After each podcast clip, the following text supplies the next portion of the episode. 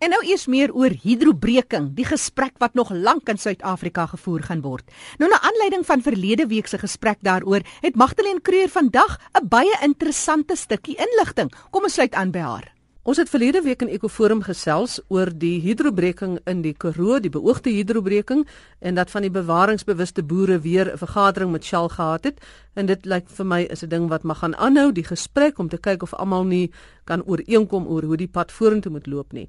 Maar dit is nie net 'n kwessie wat in die Karoo bespreek word of in Suid-Afrika nie, dit is 'n wêreldwye kwessie en binnekort intedeel volgende naweek open daar 'n fliek wat die hidrobreking as tema het met baie van ons baie bekende filmsterre daarin en ek het vir Leon van Nierop filmresensent gevra om net met my te gesels oor die tema van daardie fliek. Leon, wat is die tema? Dat die rolprent probeer om vir jou albei kante van die saak te wys. En wat hy doen is Matt Damon van wie almal verskriklik baie hou, is een van die gewildste rolprentsterre in die wêreld.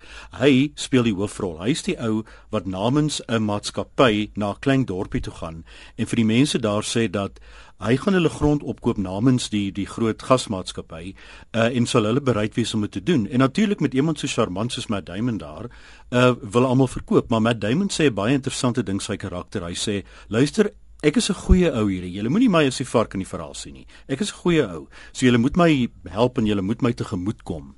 En dan begin ons agterkom dat die ou werk eintlik vir 'n groot maatskappy. Maar dan is daar 'n konflik in hom wat hy kom self van 'n uh, plaas af. En die plaas het ook ten gronde gegaan nie as gevolg van hidrobreking nie maar as gevolg van allerlei ander goed wat gebeur het. En nou is hy met ander woorde uitgekoop. Hy hy, hy is uitgekoop deur 'n groot maatskappy. Hy begin dan om vir al die boere te sê luister jy sal nooit weer 'n lening hoef aan te gaan nie. Ons gee vir jou miljoene rande miljoene dollars vir jou grond Dan ek mens goed, uh, is dit nou waaroor dit gaan? Is dit al wat in die rolprent gaan gebeur en dan skielik daag 'n karakter op wat gespeel word deur John Krasinski. Nou Krasinski en Matt Damon het saam hierdie teks geskryf. So jy kan duidelik sien dat die twee elkeen probeer om een kant van die saak te stel. En Krasinski wys vir die mense wat gebeur met hidrobreking. Daar's 'n wonderlike toneel want kyk, ek verstaan nie mooi wat in hidrobreking gebeur nie tot tot ek dit gesien het. Uh Krasinski staan voor 'n klas en dan is daar 'n klomp kinders wat daar sit en dan steek hy 'n plaas aan die brand en hy sê vir hulle dis wat gebeur met die ondergrondse gasse wat uitkom. Dis wat daai gasse doen aan die grond, aan die diere, aan die mense en aan die plaas.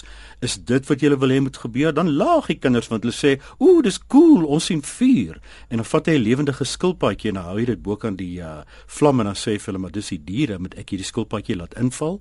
En net daar verander die kinders se opinie en natuurlik ook die mense se opinie. So nou het jy hierdie twee mense te mekaar positief en negatief en wie se kant kies ons?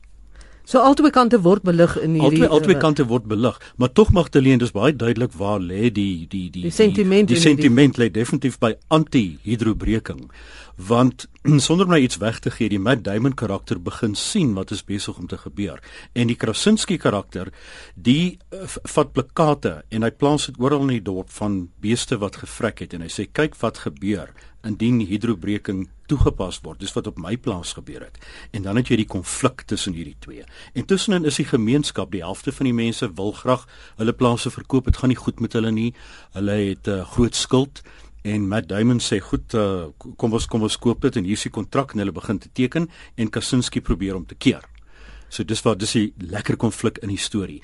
Wat interessant is daar Magdalene is die die die film preek tog so 'n bietjie. Propaganda? pro propaganda. Dis dis propagandisties in 'n mate want dis baie gekritiseer in Amerika daaroor.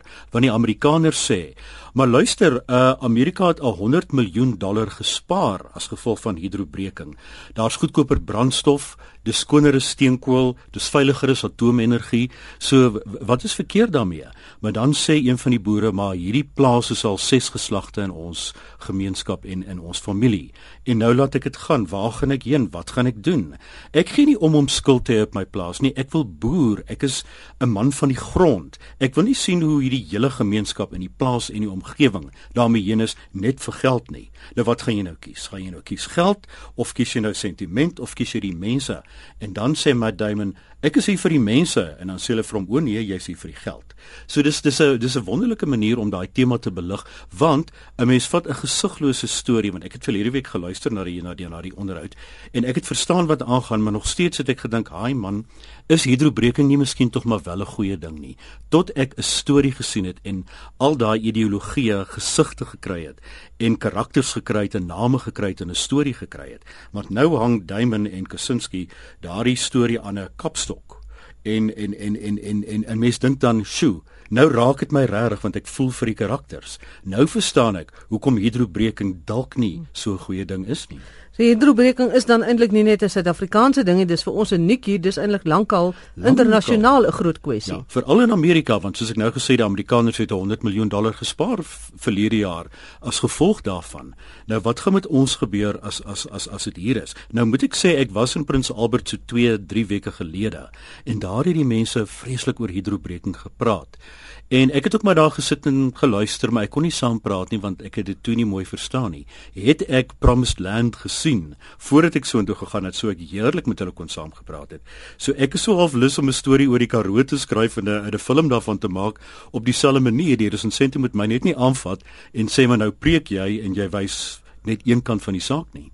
Ja, en miskien het 'n mens 'n ander film ook nodig wat miskien meer oorhel na die ander kant toe, ja. want dit is soos jy sê in Suid-Afrika, soos wat ek nou die debat gevolg het, gaan dit nog baie oor die bewaringsaspek ja. van die debat en en dan die soos jy nou gesê het in die in die tema van die fliek ook is, maar die daar is ook positiewe kante wat die, jy sê die fliek ook uitwys, die, die ekonomie. ekonomie ja. Goed Suid-Afrika ja. moet ook goedkoper brandstof vervaardig en dit verskaf werk, né? Ja, en ons moet ja. uh, ons moet kyk na elektrisiteitsbronne in die toekoms. Ja. So dit is 'n dit is 'n voordeel ding. Ja. So mense sal nou net graag wil sien dat daar dan miskien 'n dokumentêr of 'n ander fliek kom wat ook 'n bietjie die ander perspektief dan sterker uitbring. Wat sê jy? Daar is 'n dokumentêr in Amerika gemaak met die naam van Gasland, G A S L A N D.